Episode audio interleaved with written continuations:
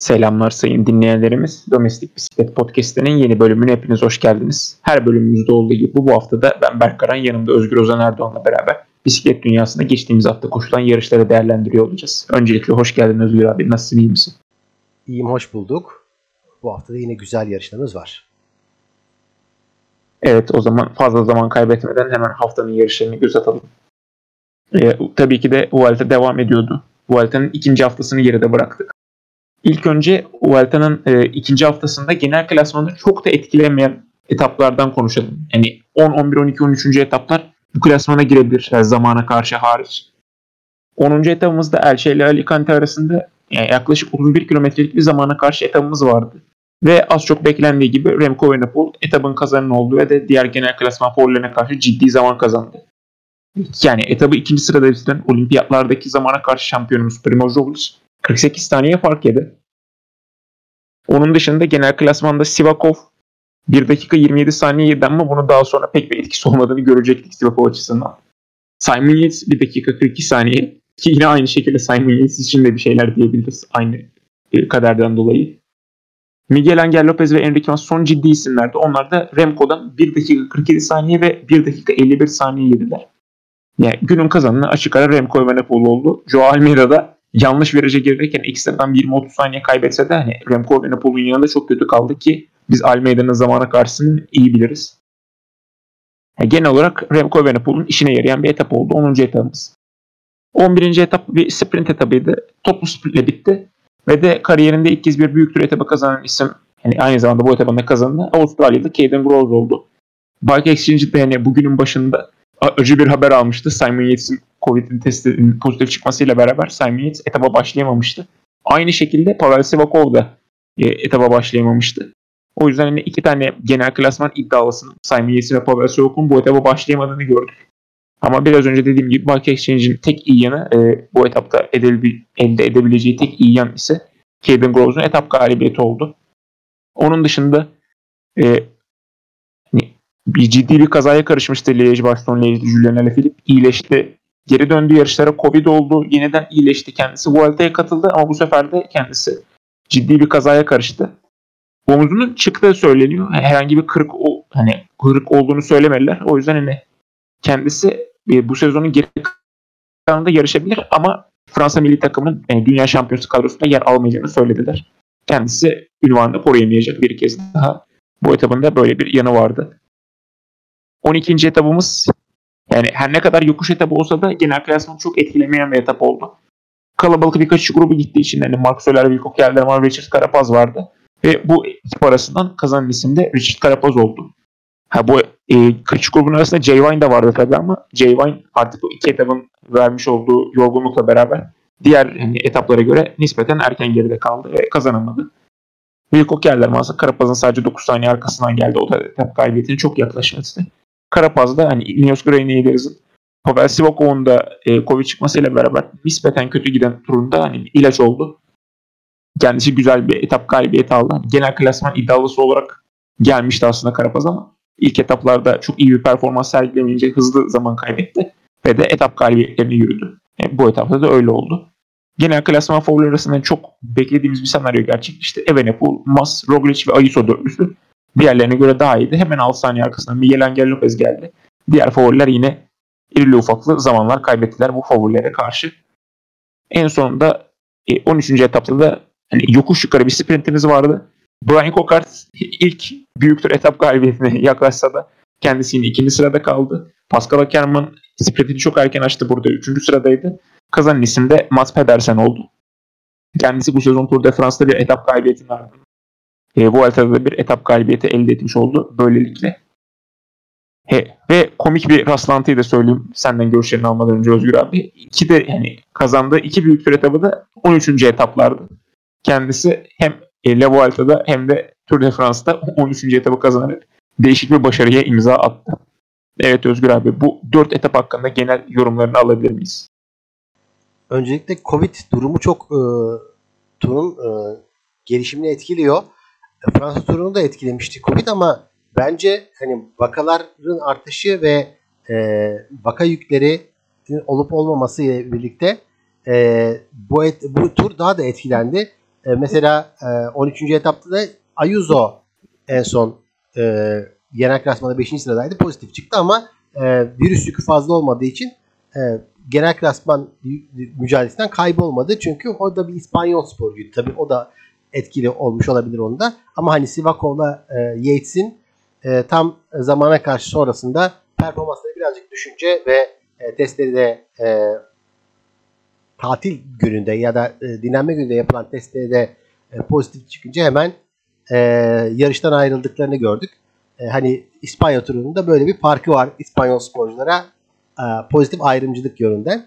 E, bu etaplarla ilgili olarak en çok söylenebilecek şey tabii zamana karşı etabı e, haftanın geri kalanında gerçekten etkiledi. E, yani zamana karşı da kazandığı zaman e, Remco Evenepoel'e e, bir e, ekstra süre kazandırmış oluyor. Yani dağlarda diyelim e, tempoyu çok kendi temposunda çıksa bile ilerideki etaplarda e, çok daha rahat hareket et, etmesini sağladı bu etap. Ama hani e, tabii ki dağlarda da iyi yarışması gerekiyor. O, zaten dağlarda birazdan konuşacağız. Yine sprint etaplarından bahsetmek gerekirse 3 e, 2 e, sprint etabı bir bir de e, işte dağlık etapta kaçışa uygun etapta sprintler sprintlerde hani Caden Groves'un ve Mats Pedersen'in galibiyetlerini söylemek lazım ama Mats, Pedersen'in galibiyetinden çok Cookard'ın e, Covid ise puan kazandırma gayreti için ayrılacağı söylenmişti o gün için. Hatta o gün öncesinde öyle bir iddia vardı. Hatta Pro Cycling Stats bile e, onu listeden çıkartmıştı. E, ama Brian Cookar e, ne listeden çıktı ne de e, yarışı bıraktı. Ve ikinci olarak da e, takımına ve e, kendisine e, UCI klasmanında iyi puanlar kazandırdı. Bu da önemli bir e, detaydı bence. Fred Wright'ın bu türlü etap kazanamaması beni e, şey yapıyor, üzüyor. E, Fred Wright her zaman böyle etaplarda çok yakın yerlere geliyor. E, hatta işte 11. etapta 8. oldu. E, ondan sonra e, yine 13. etapta da e, 4. oldu. İşte iki etapta da çok yaklaştı. İlk 10 gördü. Ama bir türlü e, sprint etaplarında da olsa, kaçış etaplarında da olsa e, kazanamıyor. E, o da onun da talihsizliği bir gün biter herhalde diye düşünüyorum. E, yine e, Roglic o yokuşlu günde e, neredeyse sprint kazanabilecek gibiydi. E, onu da hatırladım. O da çok ilginç bir detaydı. E, hani saniye kazanmadı gerçi o gün ama e, 9. olmuştu o gün. 13. etapta. Yine sprintlerle ilgili ve e, Alaphilip'in kazası ile ilgili bir şey söylemek lazım. Alaphilip kazasını kumların e, sahilden e, kumların e, yola sarkmasıyla yaşadı. Hani e, deniz memleketlerinde böyle bisiklete binerken e, insanların dikkatli olması gerektiğini gösteriyor da. Yani denize yakın bisiklete binmek birazcık e, zor herhalde. E, onu da hani dikkat etmek lazım diye düşünüyorum. E, Alaphilippe de bundan ders çıkartacaktır sanırım. Ve o günde e, Alaphilippe'in kaza yaptığı günde e, Marion Rus ve oğlu gelmişti. E, yani e, Alaphilippe'in oğlu gelmişti tam yarış öncesinde. E, o günde ayrılmış oldu. Birlikte herhalde Fransa'ya döndüler diyelim. Evet bu ilginç bir yer için teşekkür ediyorum Hocam. O zaman da hani genel klasmanın asıl olarak etkilendiği hafta sonu koşulan iki etaba da bakalım. 14. etabımızda hani genel olarak düz bir profil vardı. Sadece son kısımda Sierra de la Pandera çıkılacaktı. O yüzden yine bir kaçış grubu oluştu. Kaçış grubun içerisinde yine olimpiyat şampiyonumuz iniyorsun. Hani şu anda elinde bulunduğu en iyi sporculardan Richard Karapaz da vardı. Kendisi genel klasman faulinin önünde etap almayı başardı. 3.3 kilometre kala diğerlerinden ayrıldı ve de az farklı da olsa etap galibiyetine uzandı. Ama arka tarafında asıl fırtına kopuyordu. Genel klasman faulleri arasında hani kapışma gördük. Remco Evenepoel belki bu turda ilk kez zayıflık gösterdi. Kendisi hani Miguel Angel Lopez, Primo Roglic, Carlos Rodriguez, Joao Almeida, Enrique Mas gibi isimlerde e, süre yedi yani fark yedi. Ama Remco Evenepoel her ne kadar erken bir zamanda e, gruptan ayrılsa da o ara grubu favoriler grubuna tutunamasa da en azından hani o grupla beraber kalmaya çalışıp kendini daha kötü duruma sokmaktansa kendini hiç o limitine kadar zorlamadı. Kendi temposunda çıktı yokuşu ve de hani akıllı bir harekette bulundu. Zaten kendisinin bu etap öncesinde yeteri kadar zaman farkı vardı. O cebindeki zamandan yemeği tercih etti. Ki yani en güçlü iki isim Miguel Angel Lopez ile Primo Roglic'ti. Kendisi e, bu ikili Karapaz'dan 8 saniye sonra geldiler. 6 saniyelik bonuslu Miguel Angel Lopez 4 saniyelik bonuslu Roglic aldı. E, Remco Evenepoel ise bu ikilinin hani asıl kendisini ilgilendiren ikilinin sadece 48 saniye arkasında geldi. Zaman bonuslarıyla yaklaşık hani 54 ve 52 saniye gibi zaman farkı yedi ama kendisi zaten bu etapa güzel bir zaman farkıyla başladığı için hiçbir sıkıntı yaşamadı. E, Juan Ayuso da Remco Evenepoel'un tekerine takıldı. O da kendisini bir şekilde korumayı başardı. Enric Mas yine aslında hani güzel zaman kazanabilirdi ama sadece 20 saniye kazanmakla yetindi. Kendisi zaten e, zamana karşı etabını da kötü geçirdiği için Roglic'e göre hani 3. sırada kalmaya devam etti. E, bu etabın sonunda Roglic ile Evenepoel arasındaki fark sadece 1 dakika 49 saniye kadar düştü. E, 15. etabımızda da Sierra Nevada'da hani yani irtifa kampı olarak seçilen yerlerde olan birinde yine bir zirve finişimiz vardı. Uzun bir yokuş olduğu için yani insanlar eğer Remco Evenepoel'un kırmızı mayo kaybedecekse diğer takımın uzaktan gitmesi gerektiğini düşünüyordu. Yani onu açıkçası deneyebilecek çok kuvvet kalmamıştı artık diğer takımlarda. Yani yine bir kaçış grubu erken gitti. Kaçış grubunun içerisinde de en güçlü isim Tim DSM'den Timan Arasman'mış.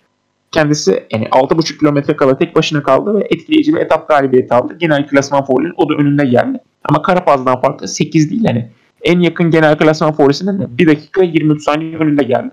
Yani etkileyici bir etap galibiyeti Timan Arasman açısından. Kendisi bu genç yaşında yanılmıyorsam 3. Vuelta'sıydı söylemeye. E, Arensman yine güçlü bir e, performans sergiledi. İyi bir etap galibiyeti aldı. Onun arkasında yine genel klasmancıların bir şeyler denediğini gördük. Remco Evenepoel hani yine aslında o favorilerle beraber kalmamayı tercih etti. Enric Mas'la e, Miguel Angel Lopez ikilisi bu gruptan erken ayrıldı. Kendileri ataklarını erken yaptılar. Ama günün sonunda çok fazla zaman kazanamamış oldular. Yani kendileri e, Primoz de mesela son kilometreye kadar Evenepoel'la beraber kaldı. Son kilometre kendisi atağını yaptı. Ne kadar zaman kazanabilirim diye denedi ama e, çok da bir zaman kazanamadı. Remco Evenepoel etap galibi e, Arasman'ın sadece 1 dakika 59 saniye arkasından gelmişti. Roglic 1 dakika 44 saniye arkasından geldi. Sadece 15 saniye zaman kazanabildi Evenepoel'a karşı. E, onun dışında Enric Mas hani genel klasman follerinin en karlısı hem 6 saniye bonus aldı hem de 1 dakika 23 saniye arkadan geldi. E, Remco Evenepoel arasındaki farkı sadece hani 42 saniye kapatabildi. Remco Evenepoel arasındaki zaman farkı da hani bu etaba girerken 2 dakika 40 saniye falan olduğu için o 40 saniye çok da büyük bir etki yaratmadı Remco Evenepoel'da. Ki hani daha önce o ön değerlendirme podcast bölümümüzde de söylemiştik. Hani biz o La Vuelta'nın ikinci haftasını üçüncü haftaya göre hani daha kırıcı bulduk. O yüzden bence hani ikinci haftanın bu kırıcı etapları olan 14 ve 15. etapta hani toplamda en büyük rakiplerinden sadece bir dakika fark yan Remco Evenepoel bence okyanusu geçti artık. Hani üçüncü haftaya bir dere benzetmesi yaparsak hani Remco Evenepoel'un en azından üçüncü haftada artık derede boğulmayacağını düşünüyorum. Kendisi o uzun aradan sonra Belçika'nın bir büyük tur e, şampiyonu olabilir diye düşünüyorum ben artık bu saatten sonra. Evet yani onun dışında yani İspanyollar 3-4-5'te şu anda. E, Enric Mas 3'te, Juan Ayuso 4, Carlos Rodriguez de 5. sırada. Belki Miguel Angel Lopez e, altın alabilir Carlos Rodriguez'i. Onun dışında İspanyollar hani fena olmayan bir tur geçiriyor genel klasman açısından. Evet Özgür abi o zaman bu hafta sonu koşulan iki etap hakkında senin görüşlerini alalım. Sen Remco Evenepoel'un artık e, kırmızı oyunu ne 21. etap sonunda sahibi olmaya ne kadar yakın görüyorsun?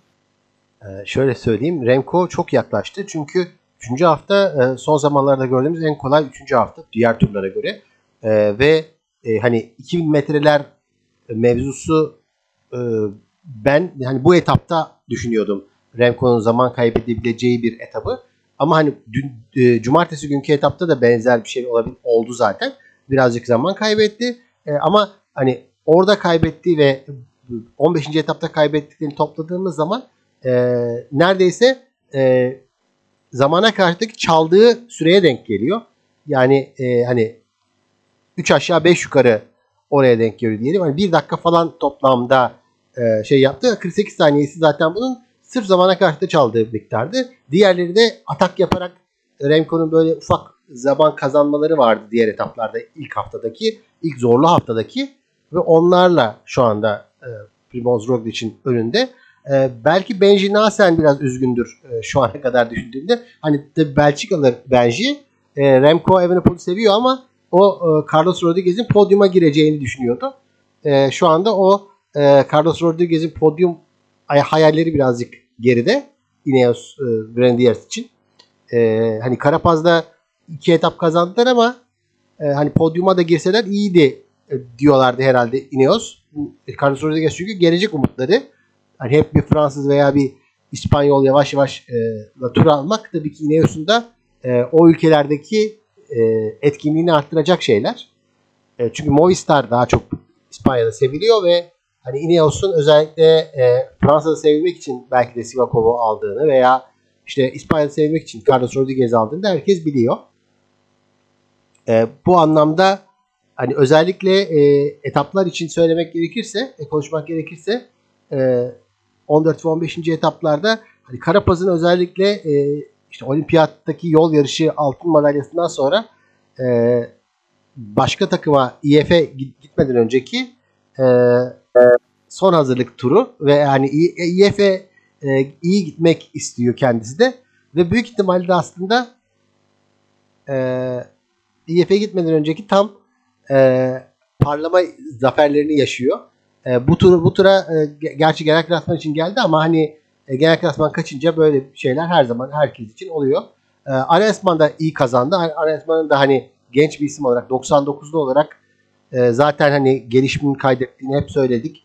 E, ama kaçıştan kazanması da en azından e, onu genel klasmanda 8. sıraya e, getirdi. Hani Fransa turunda biz Pitcock için ne diyorsak e, Pitcock da genç bir isim olarak e, hani Fransa turunda çok iyi işler yaptı. Aresman da burada Hollandalı olarak çok iyi işler yaptı.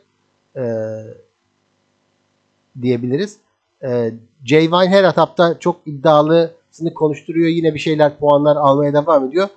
Genel klasmanı bırak, bırakmış olması ve e, artık dağların kralı olmaya odaklanmış olduğunu görüyorum artık ben Jay Vine'da. Büyük ihtimalle Jay Vine de burayı e, hani son haftayı e, eğer kaçışlara devam ederse puanlar alıp e, Dağların Kralı klasmanında zirvede bitirecektir.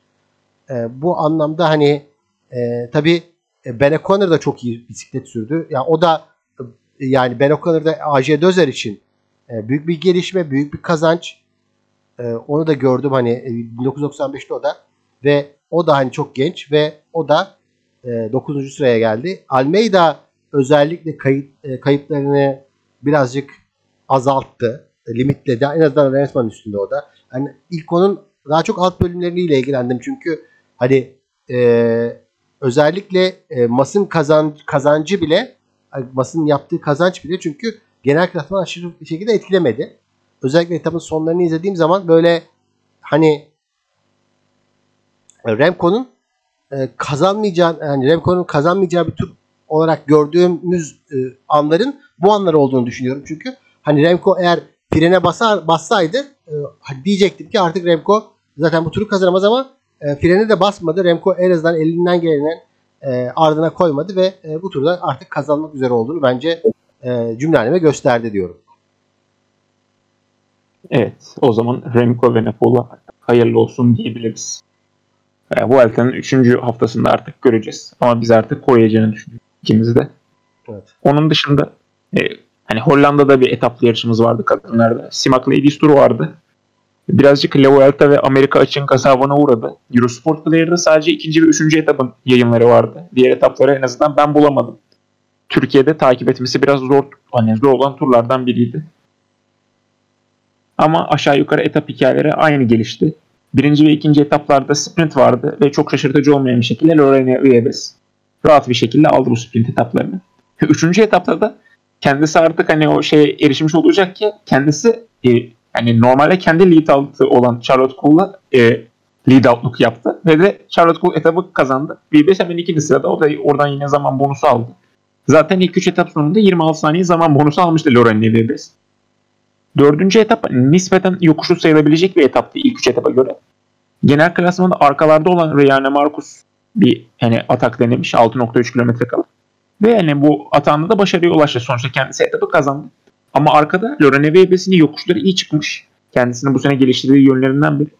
Yokuşları iyi çıktıktan sonra biliyorsun üstlük hani pelotonun sprintini kazanmış. Yani ikinci sırada olduğu için bir 6 saniye zaman bonusu da aldı.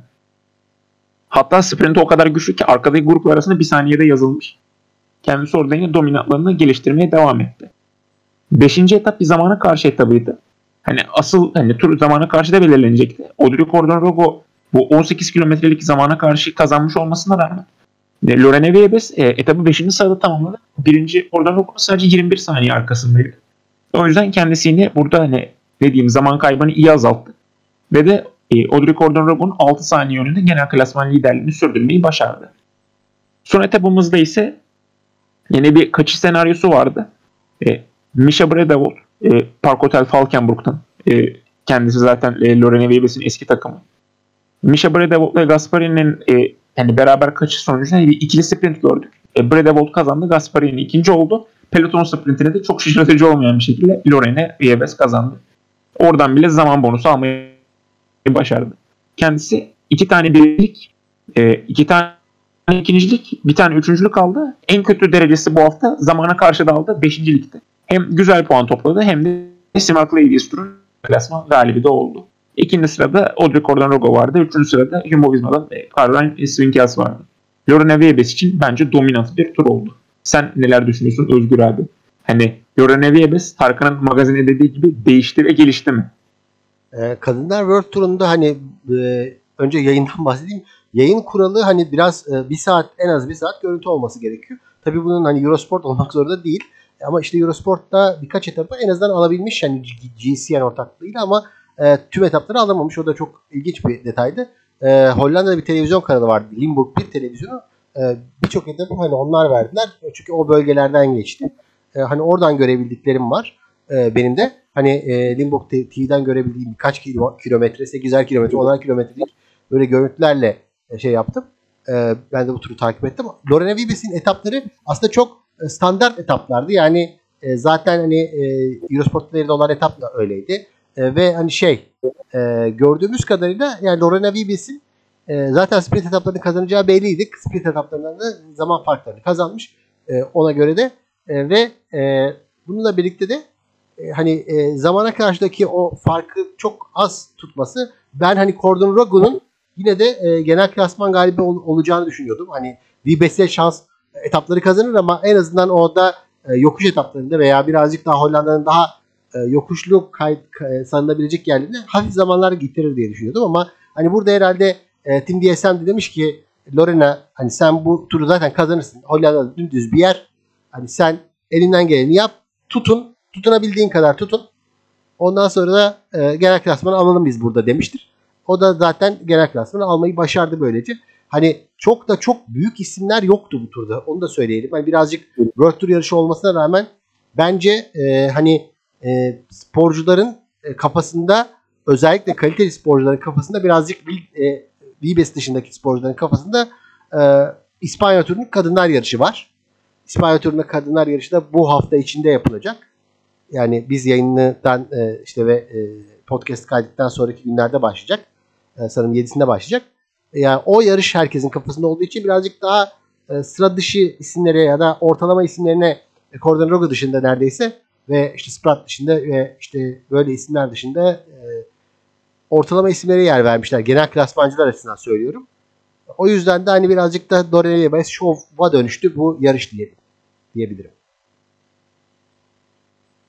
Evet. Bu Simak Ladies Tour ve Vuelta'nın dışında geriye zaten bir tane hani yarışımız kalıyordu. Ee, Britanya bisiklet turu bir sonraki bölümümüzde konuşacağız. Britanya bisiklet turu bittikten sonra. Ee, uzun aradan sonra e, bisiklet Kuzey Amerika'ya döndü. E, Baltimore'da hani ilk kez düzenlenen Maryland Cycling Classic vardı. Değişik bir yarış oldu. Yani aynı zamanda Türkiye saatine göre gece bir buçuk civarında bittiği için hani ben en azından pazar günü çok fazla işim olduğu için pazarı pazartesiye bağlayan gece bir buçukta uyanıktan ve etabı canlı bir şekilde izleme şansım oldu. Yani şunu söylemek istiyorum. Yarışı zaman limiti içerisinde sadece e, 46 tane sporcu bitirebilmiş. Zaten yarış açıldığı zaman da kalabalık bir kaçış grubu vardı ama kaçış grubu o kadar kalabalık yani arkadakiler büyük ihtimalle ya zaten kaçış yani aldı diye çok da uğraşmadı arkadaki grup. Bazıları direkt yarışı bitirmedi ki onların sayısı da alımsanmayacak derecede yani ondan fazla yarışı bitirmeyen var. Bayağı büyük bir grup ise e, zaman limitinin dışında kalmış büyük ihtimalle hani dediğim gibi hani yani nasıl olsa giden gitti biz gelsek ne olur deyip topluca gelmişler 25 dakika 15 saniye sonra o toplu grubun içerisinde bir sürü sporcu var. Yani bu bitiren 46 sporcu arasında da yani kalabalık kaçı grubu var zaten. Mesela 12. sıradaki David Lozano e, kazanan ismi sadece 1 dakika 32 saniye arkasından gelmiş. Yani 12, 12. kişi bunu yediyse neler neler diyebiliriz diğer grup için. Yani genel olarak yarışın hikayesine gelecek olursak da o kaçış grubu içerisinde yani iyi klasikçiler vardı. Mesela Tom Squins o grubun içerisindeydi. Nielsen Powles geçtiğimiz sene San, e, San Sebastian kazanan o buradaydı. Sepa Marke genelde şanssız verebilseydi de buradaydı. Magnus Kort yine buradaydı. Son kısımda hani bir atak izlemiştik. E, Human Power Tels'ten hani Amerika temsilcisi olan takımdan bir Kanadalı Nicolas Zukowski grubun içerisindeydi. Nielsen Powles başka bir e, Amerika Birleşik Devletleri sporcusu o da oradaydı. Squins ve Sepan Marke o dörtlü grubun içerisinde yer aldı. E, son kısımlara girdiğimizde Andre Piccolo da oraya yetişti. Ve Danny Nielsen Powles'a beraber bir ikili oldular ama Andre Piccolo çok hani yakın bir zamanda yetiştiği finişi kendisi çok da yardımcı olamadı ve sprinte en fazla lead up'lık yaptı. Ve sprinti izledik bu geri kalan 4 kişi arasında ve sprinti kazanan şaşırtıcı bir şekilde Seth Van Mark oldu. Kendisi hani uzun hani şanssızlıkların ardından yine bir etap kazanmayı başardı, bir yarış kazanmayı başardı. Yanlış hatırlamıyorsam zaten en son kazandığı yarışta hani Bröten Classic'ti 2019'da olması lazım. Kendisi için de güzel bir galibiyet oldu. Uzun aradan sonra Kuzey Amerika'ya döndüğümüzdeki yani, et, yani bu tek günlük klasiği de kazanan isim Seth Van Mark oldu. Onun dışında hani benim yayın açısından diyeceğim bir şey var. Sonuçta bir Kuzey Amerika yayını olduğu için e, genelde uzaklık hani kaç kilometre kaldığı yerine kaç mil olarak kaldığı şeklinde gösterildi ama Avrupa serisi de biraz düşünüldüğü için hani bazen kaç kilometre kaldığı bilgisi de yazdı. Ama ben açıkçası Eurosport yayınında gördüm ki e, bu ne diyeyim circuit şeklinde ilerlediği için son 3 tura girildikten sonra artık kilometre saymayı bıraktılar. Mesela kaldığını yazdılar. O yüzden biraz sıkıntı yarattı. Ben son turdayken bile hani yarış ne zaman bitecek diye bir hani kendimi düşünüyordum. En azından kola katıldıktan sonra yakın zamanda herhalde bitiyor insanlar hareketlendiğine göre. Yani o yüzden yarışı biraz yorumlama yeteneği gerektirdi benim aşımdan. Evet Özgür abi sen yayın hakkında neler düşünüyorsun? Yani bu tek günlük klasik güzel miydi? Seth Van Marken'e galibiyet için mutlu musun?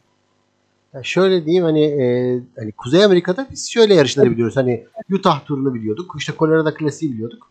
Hani Maryland klasik daha çok e, büyük ihtimalle hani UCI'nin e, hem Amerika'ya dönme çabalarının bir parçası olarak geldi. Çünkü e, bütün yarışlar neredeyse Kaliforniya turu ve e, bazı turlar e, kadın yarışını yapalım ama erkek yarışına pek para yatıramayız davranışları içindeler. Maryland Klasik'te birazcık herhalde Kanada klasiklerine de benzer bir parkur önermiş UCI'ya. Kanada klasiklerinde hazırlık olarak burası koşuldu. E, Kanada klasiklerinde de göreceğim, göreceğimiz e, isimlerden özellikle e, Michael Matthews burada yarıştı. Hani benim e, özellikle burada iddialı olmasını beklediğim isimlerden biriydi ama sonra tabii ki yarışı en azından bitirmiş. E, hani bitirememiş değil ama e, çok yerlerde bitirmiş Michael Matthews mesela. E, hani buradaysa o kazanır diye düşünmüştüm. Yine Queen Simmons burada yarıştı. Tabii Amerikalılarını yarıştırmayı tercih ettiği çok takım. EF'de e, işte Nelson Powles da EF yarıştı. E, Trek Queen Simmons da yarıştı. Özellikle onlara e, hitap eden bir yarıştı. Zaten iyi e, isimler kaçışa girmişti zaten baştan. İşte o kaçışa gir, girdikleri için de o e, iyi kaçıştaki e, iyi klasikçilerin olduğu yerde e, bir e, mücadele oldu. E, hani sirküt tarzı yarışlarda işte bir de geride kal, kaldığınız zaman e, eleniyorsunuz ve zaman dışında kal, kaldığınız zaman da tabii oluyor. E, ve bunlar da hani sporcuların bitirmemelerine neden olmuş büyük ihtimalle. Onu da hani hissettik, onu da fark ettik e, yarış boyunca. E, ama hani birazcık sıkıcıydı. Hani şöyle bir sıkıcılığı vardı. Hani e, hani gece izlemeye çalıştım ama öyle çok fazla hani, e, hani insan uykusu geliyor gece olan yarışlarda. Uzun süredir de böyle yani Amerikan yarışı izlemeyince çünkü Amerikan ulusal şampiyonları falan izliyorduk eskiden böyle bu saatlerde. Ee, anca o, o hani uzun süredir o alışkanlığımız da kalmamış birazcık zorlandım izlemekte. Ama işte dediğin gibi Amerikan yayınından da tamamen anlayamadığımız için kaç kilometre kaldığını bazen YouTube'da böyle yarışlar oluyor. Ee, hani yine çok e, düşük yarışlar oluyor. 2.2'lik veya 2.1'lik yarışları bazen Amerika'dan, Kuzey Amerika'dan veya Güney Amerika'dan yayınlıyorlar. Tam öyle bir yayıncılık hissi, hissi aldı. Hani eskiden severdim öyle Amerikan yarışları ama şimdi e, izlemesi de zor. E, birazcık zorluk geldi bana izlemesi özellikle son bölümlerde. Tabi yollar geniş o anlamda en azından o, onları izlemeyi seviyorum ama e, işte Sepp Van Marki sonuçta e, hak ettiği bir galibiyet aldı. Hani o en azından ondan bahsedebiliriz. Hani Sepp Van Marke'nin e, çok fazla galibiyeti e, vardı eskiden. Hani klasiklerde böyle iyi klasiklerde böyle alırdı eskiden. E, Ama hani bir türlü gerçek klasikleri en tepesine yerleşemedi Sepp Marke. Hani bu şanssızlığı da burada e, biraz atlattı ama ben Quebec ve Montreal'de de ondan bir şeyler bekliyorum. Hani ilk 5, ilk 3 e, en azından onlar bize birazcık e, İsrail Premier Tekinde ligde kalma savaşı yönünden eğer tabii takımın ilk onuna girerse 34 yaşındaki Sepp Van Marke e, iyi puanlar kazandırabilir diye düşünüyorum. E, İsrail Premier Teke. Evet. Teşekkür ettim. O zaman geçtiğimiz hafta koşulan yarışları da bitirdik. Yani önümüzdeki haftanın programında bir göz atalım. E, La Vuelta'nın artık 3. haftası, son haftasına geldik. 16 ila 21. etaplar bu önümüzdeki hafta koşulacak ve Kırmızı Mayonuz hani 21. etap sonundaki sahibi Madrid Ekin'in giyeceği belirlenecek. Biz hani daha az kırıcı olduğu düşündüğünü, düşündüğümüz için hani 3. haftada Remco'nun başarılı bir şekilde koruyacağını düşünüyoruz. E, onun dışında Britanya turu devam ediyor. Hani ilk etabı geçtiğimiz günlerde koşuldu. 2 ila 8. etaplar arasında bu hafta koşulacak. Yine Britanya turunun kazanını da burada göreceğiz. Onun dışında biraz önce bahsettiğimiz gibi çarşamba günü e, kadınlar versiyonu olan Ceratizit Challenge e, başlayacak. 5 e, etap üzerinden koşulacak. Annemiek van Vleuten burada. Bu sene hem Ciro'yu kazandı hem Kadınlar Tour de France'ını kazandı. Şimdi Kadınlar Vuelta'sını da kazanarak hani resmi olmayan bir üçleme yapmak istiyor kadınlar bisiklet tarihi için. Onun dışında e, yine dediğimiz gibi artık Kuzey Amerika'da da tek günlük yarışlar geri dönüyor. 2019'dan beri yapılmayan hani 2020-2021'de pas geçmiştik pandemi nedeniyle ve lojistik sıkıntılar nedeniyle. E, Cuma günü e, Quebec yarışımız var. Pazar günü de Montreal yarışımız var. Artık hani dünya şampiyonasına hazırlanmak isteyen klasikçiler için de önemli bir hazırlık sınavı olacak bu iki yarışta. Onun dışında hani bunları Kuzey Amerika'da değil de Avrupa'da geçirmek isteyenler için de pazar günü e, Grand Prix'de Furmia var. Yani bu hafta dolu dolu bir hafta. Artık zaten bisiklet takviminin sonlarına yaklaştık. Hani son ciddi yarış hani 16 Ekim tarihinde koşulacak. Artık son yani bir ayımıza son 45 günümüze girdik. Bu nispeten hani diyebileceğimiz son yoğun haftalardan biri. Bu haftadan sonra artık sadece 2-3 yarışla geçireceğiz geri kalan haftaları. Evet Özgür abi yani önümüzdeki haftada diğer yarışlardan herhangi bir beklentin var mı? Wild dışındaki yarışlardan çok fazla beklentimiz olmayabilir. Çünkü hani e, ya bu hafta hani özellikle hani Quebec'teki yarış belki birazcık ilgili ilginç olabilir. Hani e, tabii kimlerin katılacağını tam olarak bilmiyoruz. Hani buraya gelenler zaten 4 tane World Tour takımı gelmişti e, şu anda ama başka World Tour takımı da acaba e, hani zaten World Tour yarışı olduğu için diğer World Tour takımları acaba hangi bisikletçilerini e, Kebe'ye göndermeyi te, e, düşünecekler. Hani World Tour yarışı olduğu için hani çoğu World Tour takımının katılmasını bekliyoruz artık. Hani e, gerçi hani hakları var bazı takımların gelmeme, isteyememe, katılmama hakları olmasına rağmen hani ben e, puanlama e, adına en azından herkesin katılacağını düşünüyorum. Ve zaten herkes de katılacak gibi görünüyor. Hani Aramburu gibi isimleri bekliyorum.